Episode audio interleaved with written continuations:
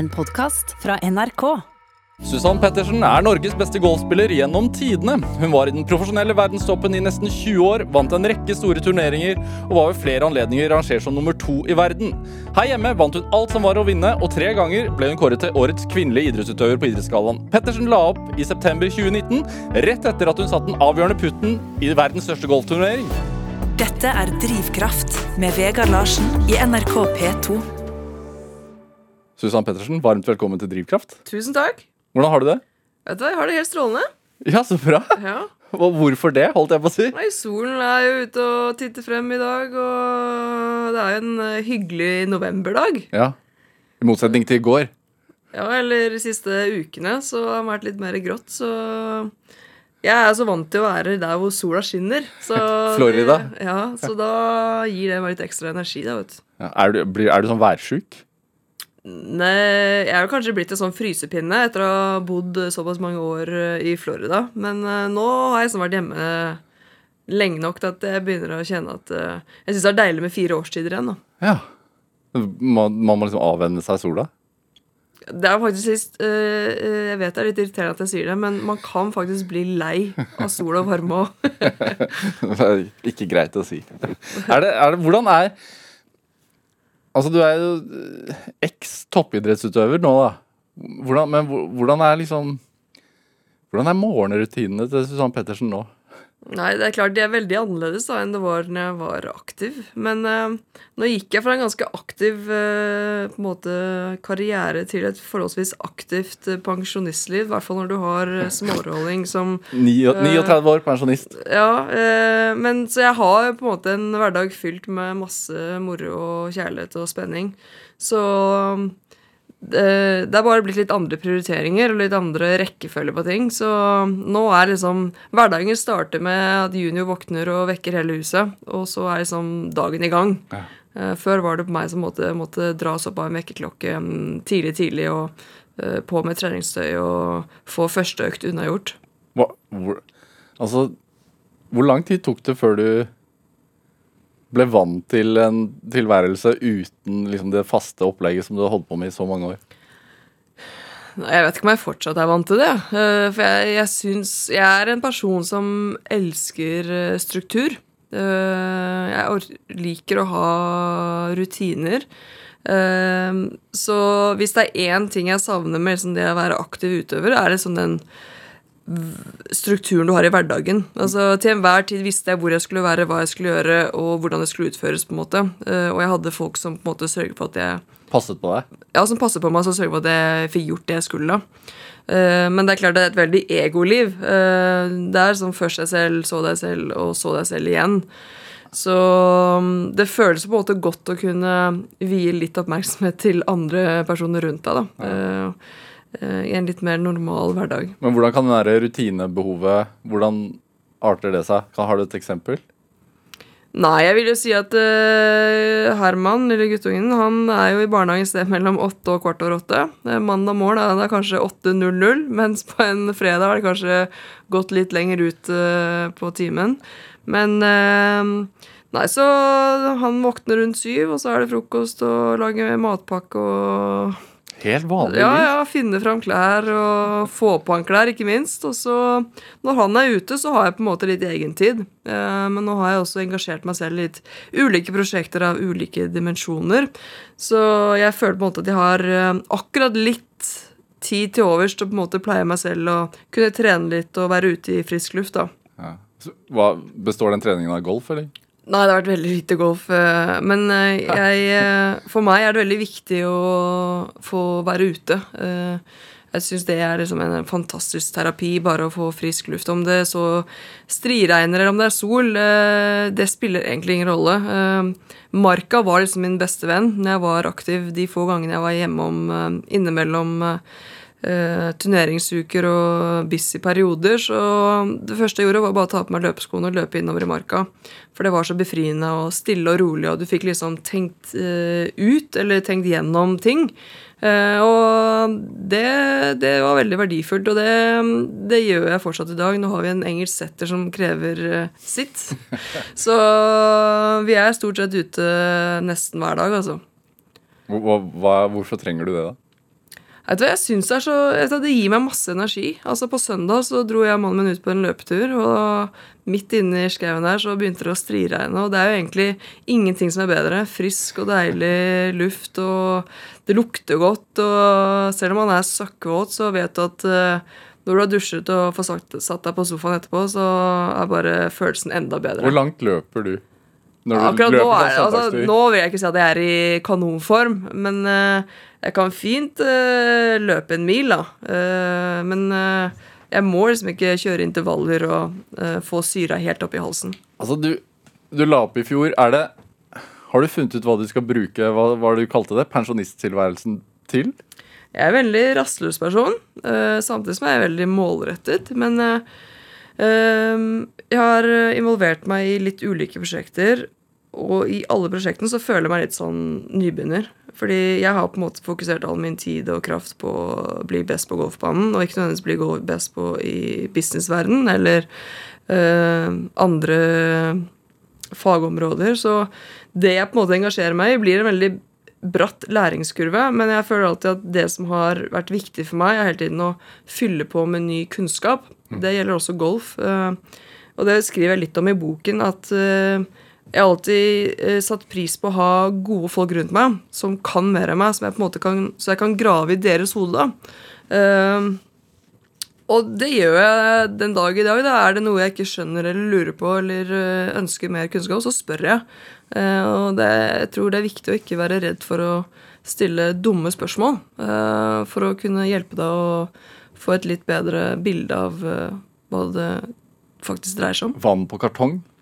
Ja, cool er jo et veldig kult uh, konsept, syns jeg. Ja, fordi én, det er bra for miljøet. Ja, For det, det driver du med? Altså, ja, jeg er blitt en litt sånn uh, sustainability ambassador, som man kaller det på pent engelsk.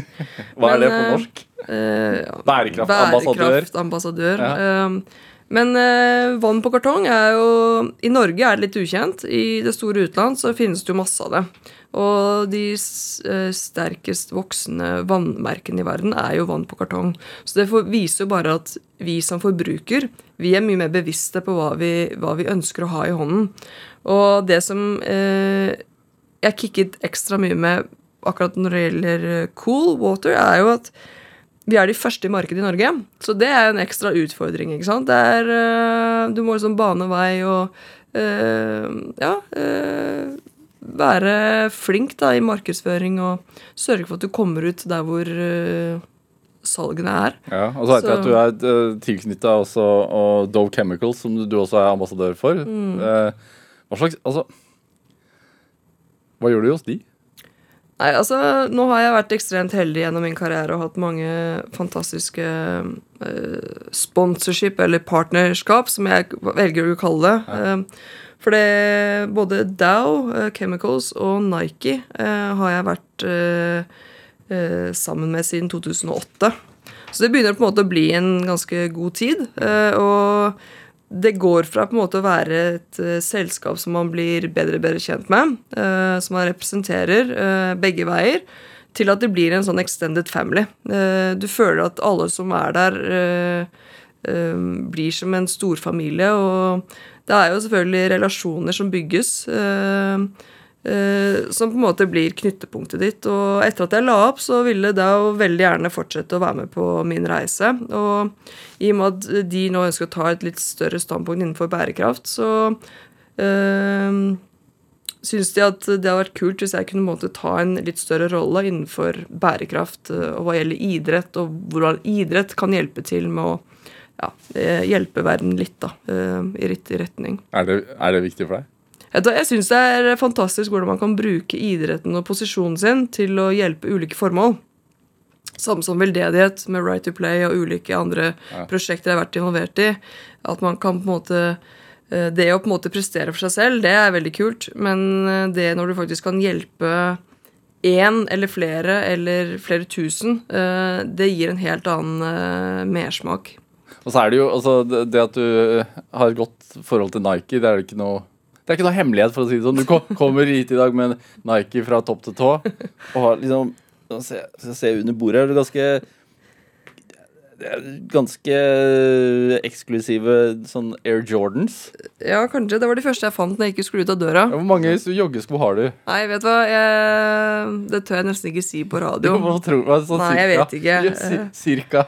Altfor mange. Ja, Hva? Nei, kom igjen. Jeg vet ikke. jeg. Eh, Jeg har ikke plass til alle. Halvparten av skoene ligger 50 par? 100 par? Du kan gange det med litt mer, tror jeg. Eh, og nå fikk jeg akkurat et, nå fikk jeg akkurat et eh, flyttelass fra USA eh, hjem etter å ha på en måte avsluttet det kapitlet, så da fikk jeg jo enda mer. Så nå ligger de fleste i kartonger og esker, og jeg har gitt bort masse.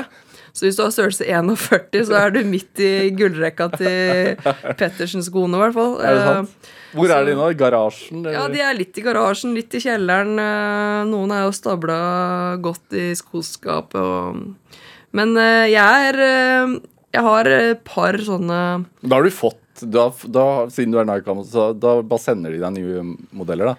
Jeg vil jo si som eh, kanskje mange av eh, de jeg har hatt på besøk i USA sier, her er det julaften hver dag. Det kommer som eh, leveranse fra Nike på døren stort sett hver dag. Så man er veldig heldig, da. Altså Du får på en måte det siste og det kuleste fra, av det som er, og så Forventer de da at du skal poste det på Instagrammen, eller er det noe avtale? Nei, men det sier seg selv at du går ikke og kjøper et par Adidas-sko, i hvert fall. Eh, Såpass. Det er på en måte helt utelukkende. Så jeg, det finnes jo ikke noen andre sko. Så han lille junior han har jo et skoskap fra Nike som er større enn eh, sikkert de fleste andre toåringer, da. Men eh, det er jo av en snill eh, onkel i Amerika. Herregud. Når er det da Altså sånn når Når er det det skiftet skjer eh, når, når du har spilt golf? At du har, for det var en periode du måtte kjøpe dine egne sko. Ja, Når, eh, når var det det begynte å renne inn? Eh, Jeg, vet, jeg husker, altså Nå signerte jeg med Nike i 2008, og før det så hadde jeg vel eh, ulike andre sponsorship, da, som på en måte av klær og sko og utstyr, ikke minst. da. Så jeg husker, jeg tror jeg hadde min sånn første sånn uoffisielle klessponsor da allerede da jeg var sånn 16 år, tror jeg. Eh, Så man blir veldig godt vant, altså. Men det meste er jo golfrelatert, eh, eh, vil jeg jo si. Ja. Hvor viktig er skoene på golfbanen? Og kle, kleskoden generelt? Jeg tror det viktigste er å føle seg vel. Eh, hvis du på deg noe du ikke føler deg komfortabel i, eller som du føler ikke er deg, da tror jeg også det er vanskelig å på en måte få frem sitt fulle potensial. For det er noe med det å stå på utslag på første hullet og bare kjenne at du oser av selvtillit. Og hvis de da har kledd på meg liksom en sånn jentekjole som jeg som bare jeg føler meg ikke Det her er ikke meg. Da, da er jeg ikke meg selv. Så det, altså det, det er viktig å på en måte tørre å gå i det man eh, ønsker å gå i, og ikke det å eh, gå i ting som kanskje folk forventer at du skal gå i. da. Så jeg har vært en veldig sånn tradisjonell, klassisk eh, golfstil. Hva er det for noe? Altså, jeg er litt sånn eh, Jeg vet ikke, klassisk jeg, Altså eh, Jeg kan godt gå i sterke farger, men uh, Hva, hva er den, klassiske golfstilen? Hva er, hva er, Jeg, altså, Piké, V-genser, type bukser, shorts Uh, Det tok lang Altså, jeg har aldri spilt, og kommer aldri til å spille i sånne eh, sleeveless, altså uten armer. Uh, for da føler ikke jeg meg vel. Altså, jeg må på en måte ha vanlig T-skjortearm. Sånn halvveis ned, eller sånn ut på eh, overarmen. Eh, Nike har prøvd i 100 år å på en måte sende meg og pushe på meg, så jeg bare Sorry, Mac, det her skjer ikke. Så eh, Så jeg har jo fått lov å være med på å utvikle og designe mye golfklær. Og sko, ikke minst. eh, Etter hva man på en måte har behov for. Så det har også vært en kjempekul eh, lærdom. er det noe man ikke kan ha på? Altså, som blir sett på rart på? Nei, faktisk Innenfor damegolf så er det ganske fritt blitt. Eh, noen steder så måtte I hvert fall i USA, på visse golfbaner, så må man liksom ha krave, og shortsen skal ikke være kortere enn en viss lengde på låret, og ja Noen steder kan det være litt sånn småsært. Men eh, jeg oppfatter det som golf er blitt en mer litt sånn folkelig idrett. Ja. Det er ingen som sier, det er ingen som sier til Susann Pettersen hvis du hadde kommet opp altså, De sier ikke at du får ikke spille Jo, faktisk på de særeste banene i USA så kan jo det skje. Er det sant? Ja, Men eh, da er man stort sett eh, obs på det før man kommer dit. da. Det er flere ganger jeg har hatt med folk på eh, banen som jeg trener på i USA, eh, eller i Florida. Eh, hvor de på en måte skal si de skulle spise lunsj med meg da, innimellom øktene. Og så kommer de bare med en vanlig T-skjorte, rund T-skjorte, eh, rund hals. Da er det sorry. Da må jeg enten gå og kjøpe en piké eller eh, låne Hvorfor er det sånn? Jeg vet ikke. Det er litt sånn Henger igjen? Uh, Det henger litt igjen. Uh, Sånn gentleman-sport, da, kanskje. Men det er ikke så mange lange sokker lenger. Sånn knestrømper og rutete bukser. Men drar du til Skottland, så finner du jo det òg. Ja. Så det er litt alt. Dette er Drivkraft med Vegard Larsen i NRK P2. Og i dag er eh, tidligere golfspiller Susann Pettersen her hos meg i Drivkraft på NRK P2. Tidligere golfspiller. Er det litt vondt?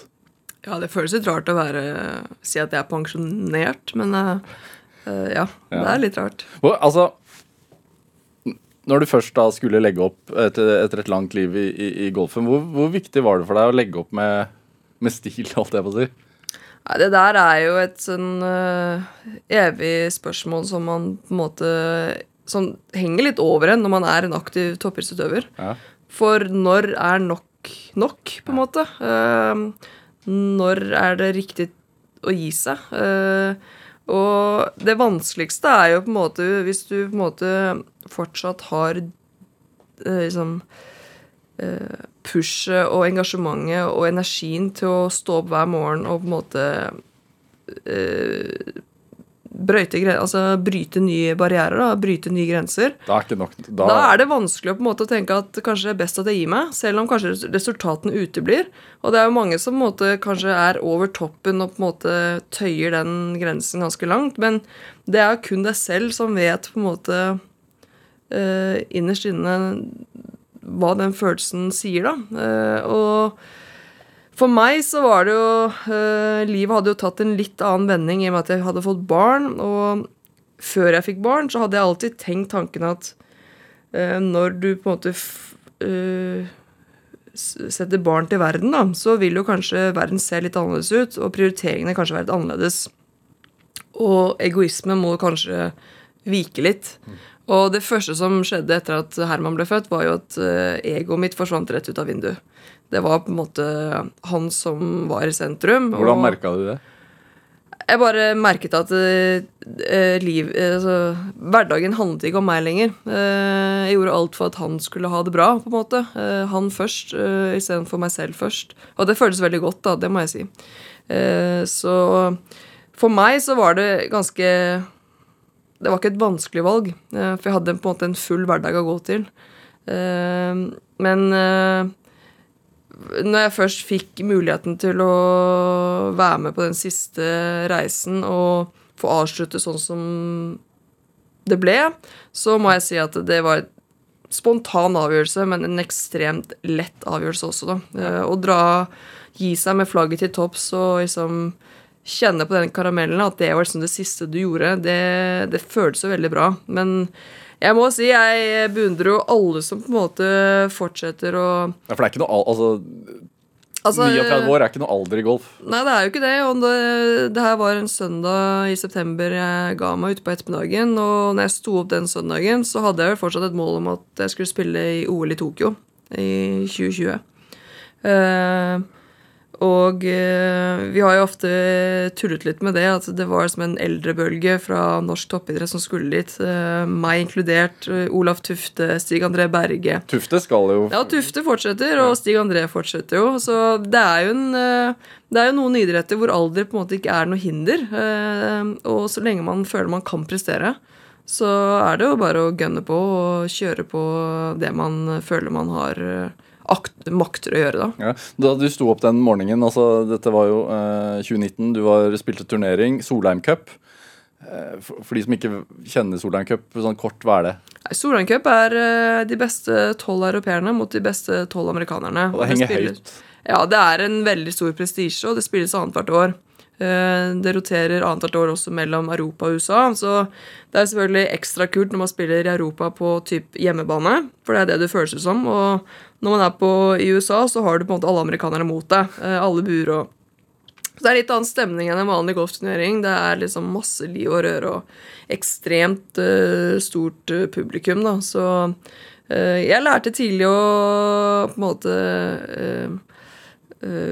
bruke de opplevelsene for det det er verdt. Og på en måte Det hjalp meg på en måte å forstå at jeg kunne overleve og ha det gøy på den største arenaen. da. Eh, og det gjorde meg egentlig bare til en bedre og bedre gåspiller jo oftere jeg på en måte kjente på det å være i sentrum i, på, i de største turneringene med de beste spillerne når det gjelder som mest. da. Du har vært med på det europeiske laget åtte-ni ganger. Jeg har egentlig vært med hvert, hver gang da, siden 2002.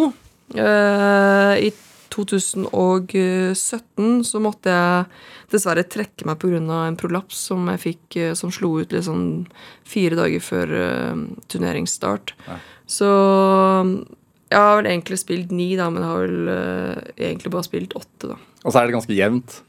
Stort sett så er det veldig jevnt. Altså matchspill det er jo matchspill og ikke slag, så her er det liksom mann mot mann og poeng og Ja, det er mye drama. Eh, og, men eh, det som er ekstra kult, er at du akkurat den uken annethvert år så jobber du som et lag. Du teamer opp med kompiser, konkurrenter. eh, ja, dine nærmeste på en måte elleve europeere, da.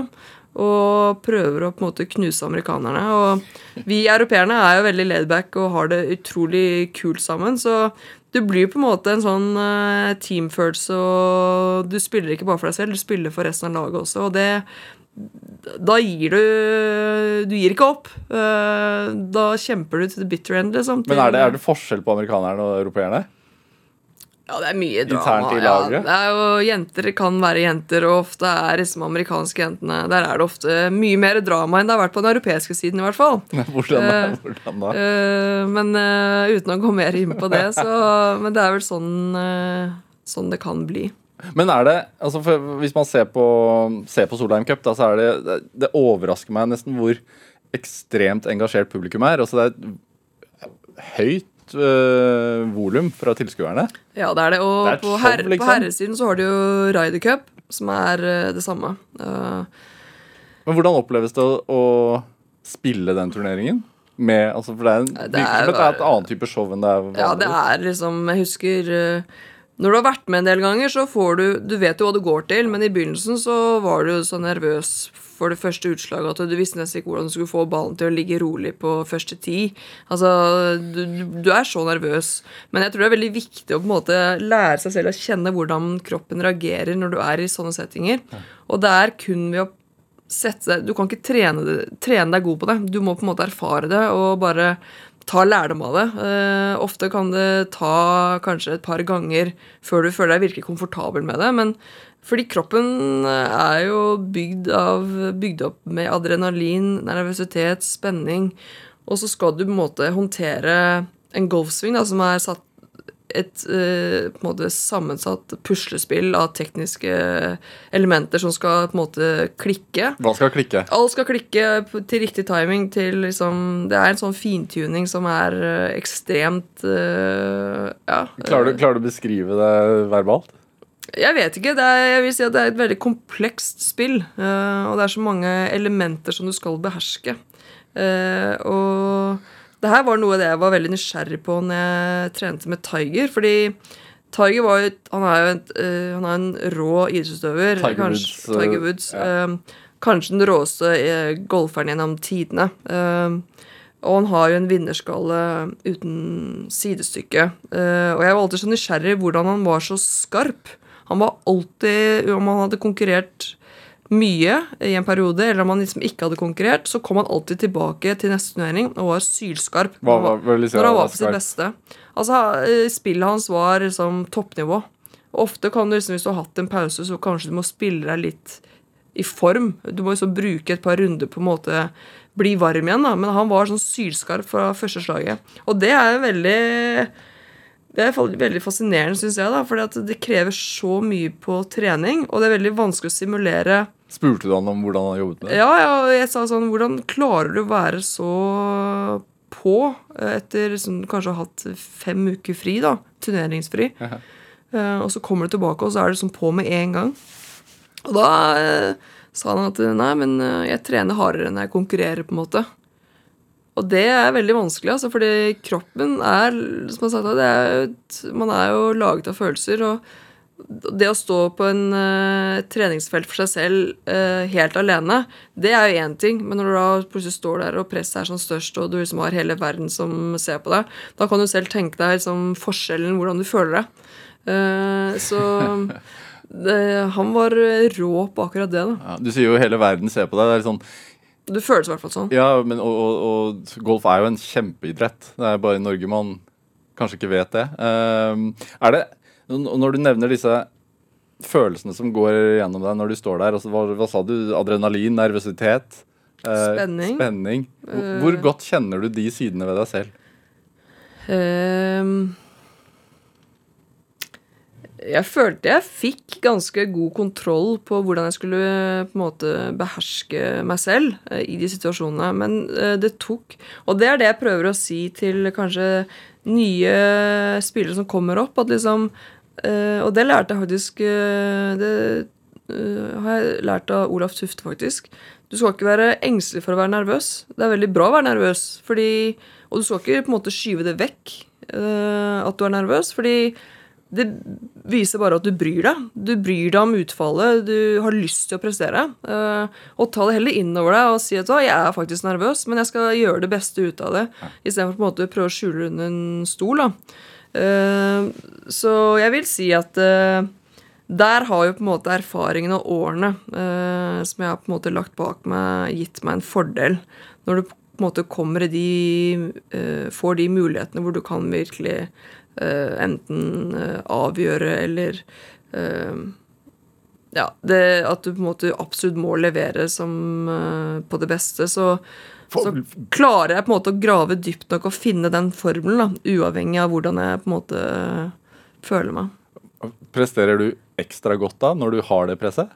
Jeg digger det. Jo større, jo mer. Og liksom Jeg vet ikke hvorfor. Eh, akkurat som det betyr mer. Eh, Og på Solheim Cup så er, er du ikke bare deg, da er du et lag. da liksom. sant? har du liksom flere å stå til rette for.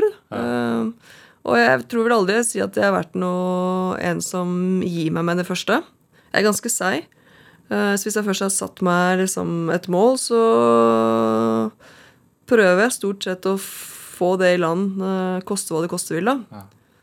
Så det er en litt sånn eh, rå mentalitet, men allikevel en veldig morsom utfordring. Men 2019 Solheim Cup, du avgjør det hele for laget ditt.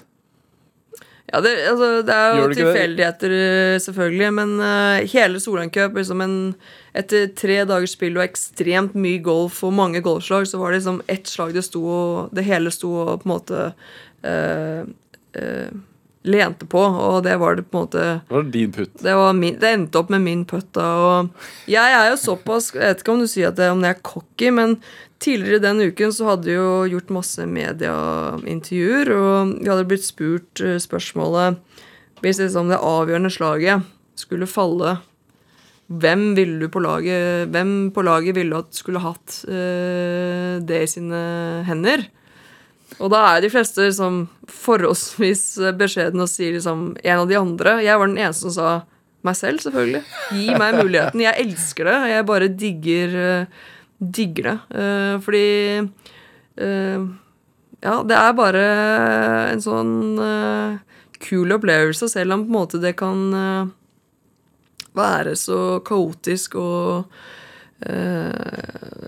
hva jeg kaller det, sånn elektrisk på utsiden. Eh, når jeg kommer i situasjonene, så blir jeg så rolig innvendig. Eh, Jeg går bare all in i meg selv. eh, og kjenner på en måte på pusten og på arbeidsoppgaver, og da blir jeg så ekstremt fokusert. Så Forsvinner liksom publikum og alt? ja, publikum ser bare ut som en sånn vegg. Og Eh, ja, da er det som eh, arbeidsro, på en måte. Eh, men eh, Puster du på en spesiell måte? Nå stiller jeg mange dumme spørsmål, men Nei, men altså, det er viktig å kjenne på pusten og bruke pusten til det det er verdt. For eh, pusten kan hjelpe deg til veldig mye. Eh, puste med magen.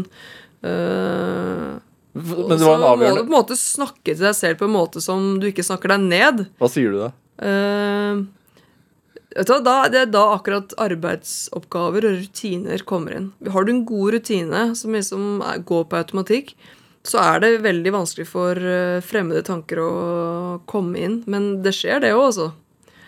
Eh, og det er ofte da du på en måte blir mest irritert, da, hvis du på en måte blir vippet av pinnen av eh, dumme tanker som du på en måte egentlig kan styre selv, men du har han lille på skulderen som liksom spår litt tvil, eller ser liksom Er du sikker på at dette er riktig kølle, eller er du sikker på at du har lest linjer Altså Det er sånn som den lille fuglen du har på skulderen. Enten så blåser det medvind, eller så blåser det motvind. Og øh, det er ofte når øh, det kanskje er ekstra vanskelig at det er morsomt å på en måte overgå seg selv. Da. Ja, du skulle, den Petten som avgjorde det, var, hvor lang var den?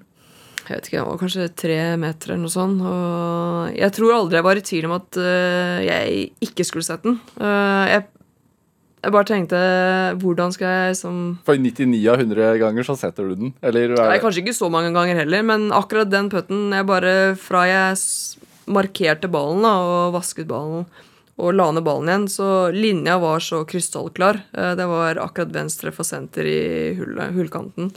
Og det er alltid så bare ser du Er jeg veldig visuell, og jeg bare så ballen bare trekke, trekket. Uansett hvilken linje jeg så på, så var det sånn bare ballen og hullet og For du ser for deg eller- ja, jeg er veldig visuell, og det har jeg brukt masse i min karriere. Ja. Spesielt er jeg visuell på når jeg tar til meg lærdom. Uh, hvis jeg står og driller ut masse teknikk, så har jeg brukt masse video. Um, Men ser du for deg det i hodet også? Ja, og det selv i, når du ligger og sover, så visualiserer du jo både det gode og det dårlige. Så av og til så kan du komme på et hull, og så har du liksom hatt mareritt, og du har slått i vannet 20 ganger. ikke sant? Og så må du på en måte prøve å jobbe med deg selv. At nei, nei, her er alt helt normalt, og her er det ikke vann. Og, så ja, ja. Man har gode og dårlige dager og Du har fak faktisk mareritt. da. Jeg har hatt mange dårlige nattesøvner pga. golf. Det skal jeg love deg. Ja. Men du sier du vasker ballen. Det, gjør alle det? Eller det Ja, når du, når du endelig kommer på grinen, da, Ja. hvor du skal putte, Ja. så kan du markere ballen og vaske ballen. For ofte kan du jo få litt eh, ja, eh, gress eller jord eller hva som helst. Ja, og du, hva heter det? Du satt putten, Ja. ja. Og du ga, la opp rett etterpå? Det er litt spontant, men det føltes helt riktig. Dette er Drivkraft med Vegard Larsen i NRK P2. Og i dag er tidligere um, golfspiller Susann Pettersen her hos meg i Drivkraft. Altså, du har skrevet bok nå. Uh, 'Uten mot, ingen ære' er undertittelen. på- Altså, den heter 'Tutta uten mot, ingen ære'. Ja, det er Er liksom den, eh, eh, No guts, no glory. No Tør du ikke satse, så vil du aldri vinne. Du er liksom Du er, det er, Ja, du det er knyttneven opp, liksom. Ja, og du må tørre å feile for å på en måte komme deg videre. Ja. Og det er kanskje når du feiler at du lærer som mest. Hvor har du fått den der eh, det, Hvor kommer det der fra? Jeg vet ikke, men jeg er på en måte yngst av en søskenflokk på tre, og med to eldre brødre så fikk jeg på en måte kjenne litt på det i oppveksten. Hvor, hvor mye yngre er du? Jeg er eh, to år yngre enn han i midten, så vi har på en måte vært erteris hele veien. Og er det fortsatt. Eh, spiller vi en runde golf, så er det hvem som slår lengst. og han prøver selvfølgelig så godt det lar seg gjøre å slå meg. Og spiller vi tennis, så er det liksom Han tror han at han kan slå deg? Så vi Kan er veldig konkurransedrevet, da. Uh, uh, og det skal sies at jeg hater å tape. Jeg syns liksom ikke det å bli nummer to er noe kult. Uh, For det henger Så- igjen fra barndommen? ja, det gjør nok det. Og jeg, jeg, jeg ba nok mye om bråk, da. Selv om jeg på en måte Jeg begynte å prate veldig sent, eller forholdsvis sent. Jeg gikk veldig tidlig. Motorikken var veldig kjapp på plass. Så Hva er tidlig? Eh, Jeg tror jeg gikk når jeg var åtte måneder. ish. Og så begynte jeg ikke liksom å prate ordentlig før jeg var sånn kanskje tre. Så jeg var veldig flink til bare sitte og se og lytte og lære. Eh, Så eh, det er digg å være yngstemann og se alle feilene brødrene på en måte går i. da. Eh, Og så tar du lærdom av det, og så gjør du prøver å gjøre alt litt bedre selv, da. Men altså, hvor har du vokst opp? Jeg har vokst opp her i Oslo, eh, et sted som heter Holmendammen. Men Var det sånn idrettshjem? Ja, det var et veldig aktivt hjem, og jeg tror øh, øh, vi drev med alt mulig av idrett. Eh, stort sett så var det på en måte fotball og bandy og ski og tennis og Det var ikke så veldig mye ballett og på en måte dukker i, i min oppvekst. Eh, Jeg prøvde meg på turn, rytmisk sportsgymnastikk. Eh, jeg vil si at det er den eneste arenaen jeg på en måte har blitt eh, Ja eh, etter en, jeg tror jeg var der kanskje et år eller to, og da kom hun stakkars læreren, eller hun instruktøren, til moderen, så sier hun er kanskje bedre om Tutta bruker tiden sin på noe annet. For eh, jeg vet ikke om liksom, hun har det i seg. Jeg var stiv som en stokk. ikke sant? Jeg kom jo ikke i spagaten eller uh, Ja, jeg var liksom ikke så så myk i kanten da, som kanskje andre som var med på de treningene var. Så det var sikkert et lite nederlag når liksom jeg blir bedt om å kanskje finne på noe annet å gjøre. Men allikevel er jeg veldig takknemlig, for det ga meg enda mer tid til å spille golf. Hva tenker du om at det er sånn, hva skal man si, jente- og gutteidretter når man er ung? Eh, jeg kan skjønne det, og jeg får veldig ofte spørsmålet hvordan kan vi få flere jenter til å begynne å spille golf. Eh, det er en litt vanskelig setting for meg å sette meg inn i, fordi jeg var aldri opptatt av hva jentevennene mine gjorde. Og jeg har aldri vært en sånn jente-jente. Jeg har alltid vært en sånn guttejente og likt å henge med gutta. Eh, fordi de er tøffere, de er sterkere og ofte større. og Eh, Når det kom til det å være på golfbanen, så var jeg ikke avhengig av at jeg hadde andre jenter rundt meg. eh, For det var så mange bra gutter som jeg på en måte så opp til, da. eh, Som på en måte eh, hjalp meg å bryte nye grenser. Så eh, jeg syns ofte det er et veldig vanskelig spørsmål. Men eh, jeg har jo masse venner i dag som har barn, og jeg ser jo både hvor eh, påvirkelige spesielt jenter er, da, eh, når de er sammen som en flokk, på en måte. At de vil gjerne gjøre det alle andre gjør. Eh, Men jeg tror det viktigste er på en måte å leke seg med idrett. eh, Prøve litt av hvert. Eh, Samtidig som du ser liksom at i de største idrettene, tennis, golf, fotball Altså de beste på, liksom, på det proffnivået blir jo bare yngre og yngre. Ser eh, vinneren av French Open i tennis som vant nå i høst. uh, hun var 19 år når hun vant liksom, sin første slam. Det vil si at hun har liksom, sikkert gjort mye riktige ting i, i ganske mange år allerede. Så jeg vil ikke si at jeg er for spesialisering, men jeg tror uh, skal man bli virkelig god i visse idretter, så må du begynne med mye mengde veldig tidlig. Er det Altså, Du begynte å spille golf da du var veldig ung, fem-seks år. Er det, her- det her var jo på midten av 80-tallet. Er Hva, hva var grunnen? Nei, jeg vet ikke. Jeg ble, det var pappa som dro meg med på golfbanen første gangen. Og han spilte golf? Ja, han spilte golf og var vel keen på å trene og spille litt. da Og så var det vel sikkert en lørdag eller søndag. Jeg vet ikke, Så hadde han fått beskjed om at da får du ta med deg tutta, liksom. Eh, og det gjorde han jo. Jeg ga meg en kølle, og jeg begynte å slå. Og jeg syns vel det var ganske fengende, og syntes det var moro. Og så ballet det bare på seg. Det ble mer og mer, og jeg ble på en måte en del av eh, junioravdelingen og juniorgruppa på Oslo Golfklubb. Og til slutt så ble jo det mitt andre hjem. Altså jeg tilbrakte ekstremt mye tid. Og så ble jeg en del av juniorlandslaget, og liksom Jeg kunne jo Altså jeg gledet meg jo vilt når det liksom var eh, weekendsamlinger, og man fikk påfyll, og man kunne liksom være rundt uh, i miljøet, da. Så eh, jeg virkelig levde ånd, åndet for uh, golf fra veldig tidlig alder. Hvordan skilte det seg fra klassekameratene dine? Hva gjorde de, liksom? Nei, vet du ingen av mine beste venner. eh, Og jeg har et veldig godt forhold til mange av mine barndomsvenner, eh, som jeg er veldig takknemlig for, da, eh, i og med at man har vært så spredt for alle vinner i så mange år. Men de er egentlig ikke golfere, og det har vært en veldig fin balanse for meg. Fordi du blir ikke alltid snakket om og behandlet som den golferen. Du på en måte er tutta som en venn, da. Ja. Det har vært en veldig fin balanse for meg, da, å ha det andre eh, på en måte De andre vennskapene ved siden av golfmiljøet. Det er med Tutta. Boka di også heter jo Tutta. Når skal du slutte med Tutta. tutta, ja? Nei, vet du hva, det, har alltid vært tutta. Jeg tror jeg kommer til å forbli tutta. Eh, jeg tror aldri, eh, når jeg sier det med hånden på hjertet, jeg har aldri hørt min mor og far si eh, Susann. Altså, da må jeg ha gjort noe så ekstremt gærent at liksom, da var det bare å løpe.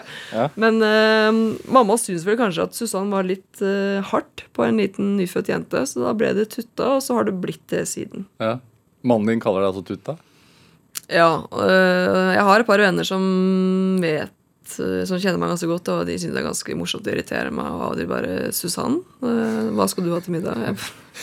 De vet liksom å trykke på de riktige knappene for å irritere. Men eh, at du blir irritert? Ja, jeg, jeg, jeg føler meg liksom ikke helt øh, er det litt, Kommer litt an på hvem jeg møter, i hvilken setting. Er jeg i en litt sånn offisiell setting, så sier jeg Susann. Ja. Eh, Men er jeg på en måte off record og i privaten, så er det tutta all hele dagen. Eh, så jeg kan kalle deg tutta? Ok, da. Ja, det er. Er det, men også sånn i forhold til spesialisering, som du, som du nevnte, at du ser nå en 19-åring som vinner eh, slam, altså tennis, og hvordan vil du Altså, hvor Kan, kan du liksom fortelle meg hvor mye arbeid du har lagt ned? Nei, men jeg kan gi et eksempel. Da, for at uh, I golf, i hvert fall på damesiden, så er det jo Man spiller jo med uh, folk fra hele verden. Uh, Asia er veldig godt representert på, innen damegolf. Spesielt koreanere. Og jeg, jeg vil jo si at i et startfelt på 142, så kanskje det er 50 koreanere. Altså, det er et mangfold av de. Golf i Korea er kjempestort. Damegolf enda større. Og så når du da spiller på LPGA-turen, som jeg gjorde i USA i mange år, så er det en aldersgrense som er 18 år. Eh, Det er egentlig for å eh, Du skal ikke bare håndtere golfspillet eh, når du på en måte blir proff, men det er mye annet som kommer med. For media og Det er et styr som kan måte kanskje være for mye for en 18-åring. Men så spiller jeg mot alle disse koreanske jentene som kommer ut eh, på tur når de er 18, da, og på en måte inntar verdenstoppen og er på en måte i toppen av damegolf i verden. Og så sier du liksom OK, eh, hvor lenge har dere spilt? Nei, du skjønner, vi, jeg har egentlig vært proff. Jeg har spilt i Korea siden jeg var 14. Sluttet på skolen da jeg var 10. Så liksom mentaliteten altså I Norge er jo skolegang eh, veldig viktig, og det syns jeg fortsatt er veldig viktig. Men i Korea så er det på en måte Har du talent, da, og familien eh, ser det, så dyrker de det for det det er verdt. Ta ungen ut av skolen og all in på golf fra veldig tidlig alder. Det er klart at da blir det jo Da er sjansen for at du kan bli veldig god stor, da, eh, vil jeg si. Hvis du gjør mye riktig da, så er det jo ganske naturlig at noen brikker faller på plass, og det på en måte mm, er så god da, når du allerede bikker 18. Hva men- tenker du om det som en slags barneoppdragelse? Du, jeg vet ikke. Det er jo altså Hvis du tenker i hvert fall i golf, da, så har du på en måte egentlig Det er en idrett hvor du kan spille så lenge du på en måte Kroppen eh, er eh, i god nok form. Eh, Altså jeg kunne jo fortsatt, eh, fortsatt å spille aktivt i mange år fremover. Jeg har jo på en måte hevdet meg. Men det du ofte ser med disse jentene som starter veldig tidlig, at de, de brenner jo kruttet kjapt. De er hotte i slutten av tenårene og inn i 20-årene. Og så når de bikker 25, 26, så er det veldig mange som faller av. Men har det alltid vært gøy for deg? Ja, jeg digger idrett, og jeg digger sport, og jeg digger det å kjenne på følelsen av å bli bedre. Eh, det å hele tiden eh, tenke fremover, tenke prosess. eh, Husker du første gang du tenkte sånn at jeg skal bli best i landet? Ja, det, jeg tror jeg var ti år, eller ti eller elleve år, da jeg satt på sengekanten og mamma skulle synge godnattasang, på en måte, og jeg bare 'Mamma, slutt med den sangen. Jeg skal bli best i golf. Jeg skal bli best i verden.' Og liksom, Jeg kan jo se det for meg nå når jeg ser deg mor og liksom barna dine liksom Ja, ja, eh, det er jo en eh, kul drøm, liksom, men eh, jeg tok det eh, beinseriøst. Jeg, og når jeg allerede var 15, så skrev jeg vi fikk i oppgave fra landslaget å skrive vår egen fremgangsfilosofi. Og det ble et dokument på en måte har fulgt meg gjennom min karriere. hvor Hva jeg på en måte... du da? Nei, det, Da var det målsetninger, drømmer øh, Hvordan jeg skulle på en måte håndtere trening, øh, kosthold, øh, søvn, det sosiale. Det var på en måte Bibelen, og når jeg ser tilbake på det, så har jeg på en måte tikta av omtrent alt som står i det dokumentet. Hva for eksempel? Eh, jeg har vunnet major. Har Nei, men hva, hva sto i, i, ja, I det skrevet, det var jo Jeg hadde jo masse målsetninger. Ja. Og veldig mange av de var tids... uh, måte Hadde jeg satt en tidsramme på. Så for eksempel når jeg spilte min første Solancup i 2003, som var det store målet mitt i den fremgangsfilosofien, som var i Barsebekk i Sverige, så tenkte jeg sånn ah, Jeg har forsprang på det, for jeg spilte jo allerede min første i 2002. Så det var sånn sånn Ja, jeg har brukt det litt som en uh, motivasjon og inspirasjon, men jeg tenker også Har du vært hard mot deg selv? veldig Hvordan da? Uh, Å vinne er på en måte ikke godt nok. Eh, og det, det er sånn sånn Når du spiller golf, så taper du mer enn du vinner. i hvert fall. Eh, det er i hvert fall sikkert Hvis du spiller 30 turneringer i løpet av et år, og på min beste sesong så har jeg kanskje vunnet fem turneringer, så kan du tenke deg at prosenten du egentlig går av banen og ikke vinner, er jo mye større. Eh, så når jeg ser tilbake nå, så kunne jeg kanskje vært snillere med meg selv med å på en måte nyte de øyeblikkene hvor ting virkelig går stang inn, da, litt mer, istedenfor å være liksom du er, du er vinner i dag, men eh, når du våkner i morgen, så står alle på lik linje igjen. Eh, Ja, for du har tenkt sånn. Ja, sånn har jeg alltid vært. Og, men det, jeg tror tror det har hjulpet meg å på en måte komme meg videre. Altså, jeg var den som kunne Hvis jeg vant, da, så kunne jeg tenke sånn jeg kunne vunnet med fire slag til. For jeg kunne spilt enda bedre, eller eh, Jeg har vært alltid veldig selvkritisk. Eh, ikke for å bryte meg selv ned, men heller for å finne motivasjon til å bli enda bedre. da. Eh, Men det høres jo det, Unnskyld, altså, men det høres jo ikke noe Det høres jo ikke noe gøy ut. Nei, det, men jeg er ofte sånn Men i golf så er det veldig lang sesong, og vi spiller stort sett fra eh, Sesongen går fra si, januar til ut november. Så du er på en måte ti måneder på, og så er det to måneder av. Og når du er på, da tenker jeg at da Da er jeg egentlig på i ti måneder. eh, og så klarer jeg på en måte av og til å slå av bryteren av og på, eh, liksom sånn i visse settinger. Men for det meste så er du i go-modus, da. Eh, Så hadde sto det liksom at jeg skulle gjennomføre en økt på søndag kveld etter å ha vunnet, så var det rett i å gjennomføre den økten. Og det var liksom ikke noe mercy på å unne seg noe ekstra, på en måte. Så Jeg leser jo boka di, og det, du beskriver jo en ungdomstid hvor du står og slår og slår og slår og slår. ja, jeg føler at eh, jeg var veldig dedikert fra tidlig alder, men jeg føler også at jeg på en måte Jeg har sikkert gått glipp av mye, for jeg på en måte Du vet liksom når du fullfører videregående, så er jo For meg var det store spørsmålet om jeg skulle studere, eller om jeg skulle bli profesjonell. Og eh, i vårt hjem så sto alltid skole høyest. Eh, Klarte jeg ikke på en måte å følge med på skolen, så fikk jeg heller ikke lov til å reise rundt og spille turneringer og dra på treningsleire. Så skole sto alltid høyest hos pappa, ikke minst. Så når jeg var ferdig på videregående, så var jeg helt sikker på at det var ikke noe valg annet enn å dra, dra på et universitet i USA på scholarship og få en utdannelse. Men så Den sommeren jeg på en måte var ferdig på videregående, så sier pappa Eller om det var tidligere på våren, så sitter vi ved middag, og så sier han sånn I sin kloke forstand så sier han liksom Ja, eh, hva om ikke bare prøve deg som proff? Det er jo ikke sikkert engang du liker livet. altså Du skal liksom bo i en koffert og reise i liksom, Europa rundt da, på den tiden. Og det er ikke sikkert du liker livsstilen, så, men test ut, og så kan du alltids gå tilbake til eh, skolebenken. Han har ikke ment sagt det før det var eh, et valg som allerede var tatt. Ja. og for meg så var det et helt riktig valg. Eh, hadde jeg sittet i samme situasjon i dag, så hadde jeg gått for det samme. Så for meg så funket det, men jeg syns det er veldig vanskelig å sitte og si til ungdom i dag eh, kutt ut skolen. Gå all in på idretten. Men hva sier du hvis noen spør sånn hvordan, hvordan Hvordan motivere seg selv til noe? Vet du hva, det er som Du kan aldri drømme stort nok. Eh, men jeg tror det er veldig viktig.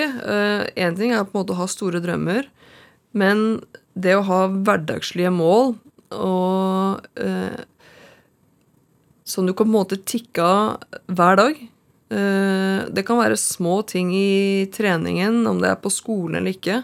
Liksom du tikker av for å på en måte gi deg selv en klapp på skulderen. Vet du hva? I dag gjennomførte jeg akkurat som vi skulle, og jeg, jeg er fornøyd. Og at du på en måte gir deg litt ros på veien, det tror jeg er veldig viktig. For hvis du hele tiden skal leve i denne, i denne lange reisen da, for å oppnå en kanskje, kanskje uoppnåelig drøm, det vet man jo ikke, så blir det en veldig kjedelig reise.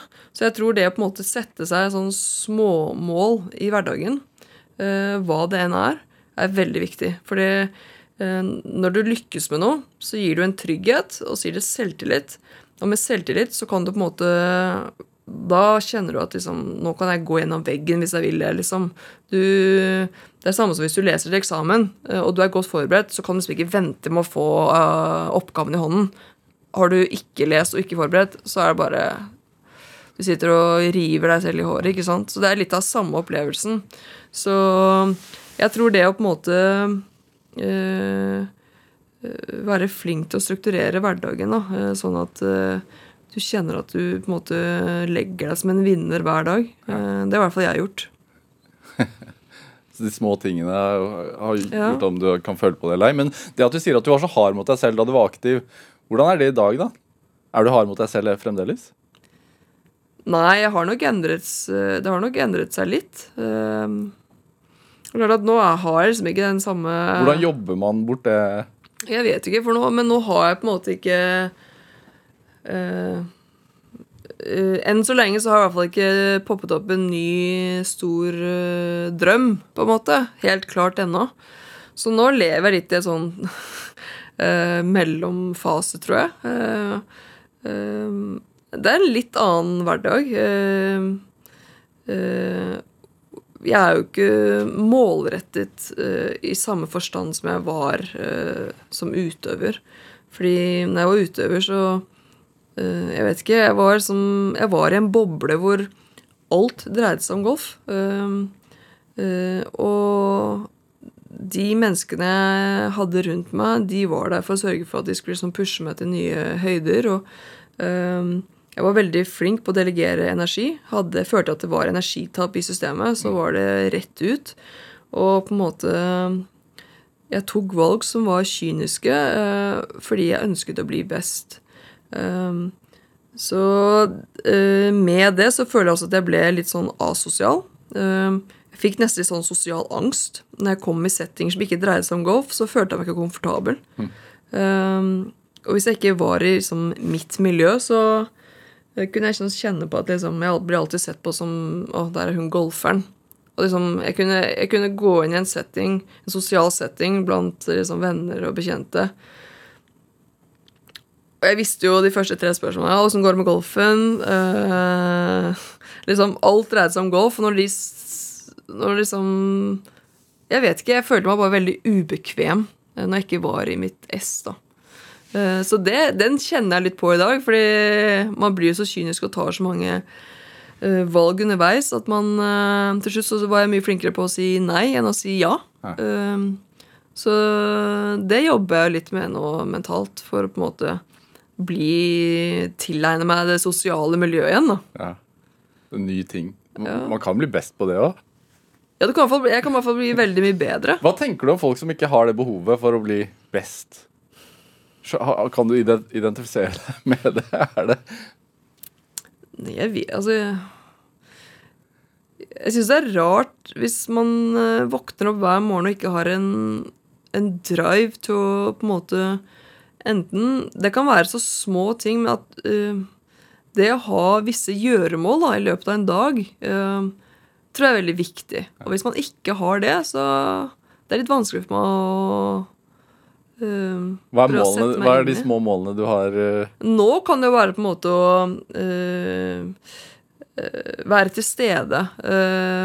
sørge for at du er den beste mammaen du kan være. At du er den beste moren du kan være. Det kan også være for meg selv sette meg som Ok, jeg skal få trent liksom fire ganger i denne uken. det skal jeg få til, på en måte. Selv om på en måte kanskje tidskabalen er tight, så det skal jeg på en måte klare. At hvis du liksom setter deg et par sånne ting, eller om det er Det kan være små ting. så gir det deg masse energi. Ja. Hm. Er det Altså, Susann Pettersen, en time går veldig fort. altså, Den er snart over. Eh, Det er presidentvalg i dag. Ja. Du, hvordan er det? Du har jo eh, spilt med eh, Donald Trump og, og møtt ham flere ganger. Eh, hvordan er det når du er golfspiller, og så må du til stadighet liksom snakke om den amerikanske presidenten?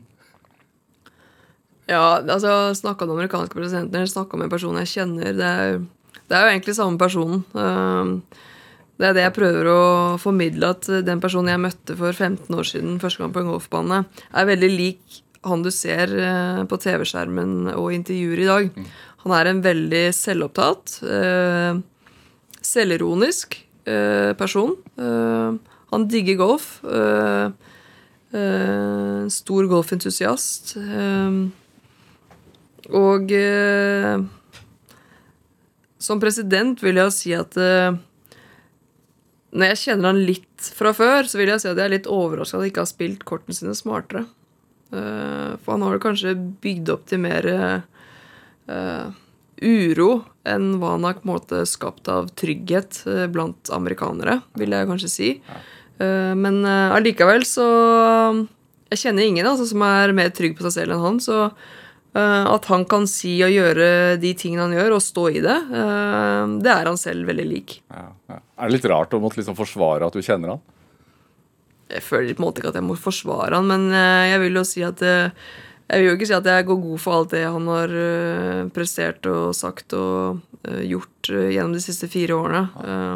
Det har sikkert overrasket meg like mye som alle andre. Uh, Susann Pettersen, drivkraft, hva er, hva er det for deg? Drivkraft, det er uh, livet. Uh, jeg tror det er veldig Jeg har alltid vært en jente drevet av målsetninger og ambisjoner. Eh, og det å kjenne på at du alltid kan eh, bli bedre, det tror jeg er en eh, prosess du aldri blir ferdig med. Eh, du kan alltid på en måte bli litt bedre enn det du var i går. Eh, uavhengig om det er idrett, jobb eller familie eller sosialt. Så ja. Tusen takk. Tusen takk for at du kom hit til Drivkraft. Takk for at jeg fikk være her. Hør flere samtaler i Drivkraft eh, på NRK på nett, eller last oss ned som podkast. Send oss også gjerne ris og ros og tips til mennesker du mener har drivkraft. Send en e-posten til drivkraft.krøllalfa.nrk.no. Produsent i dag var Pål Arvid Jørgensen. Kjartan Aarsand researchet og bidro sterkt til eh, dette programmet. Jeg heter Vegard Larsen. Vi høres. Du har hørt en podkast fra NRK. Hør flere podkaster og din NRK-kanal i appen NRK Radio.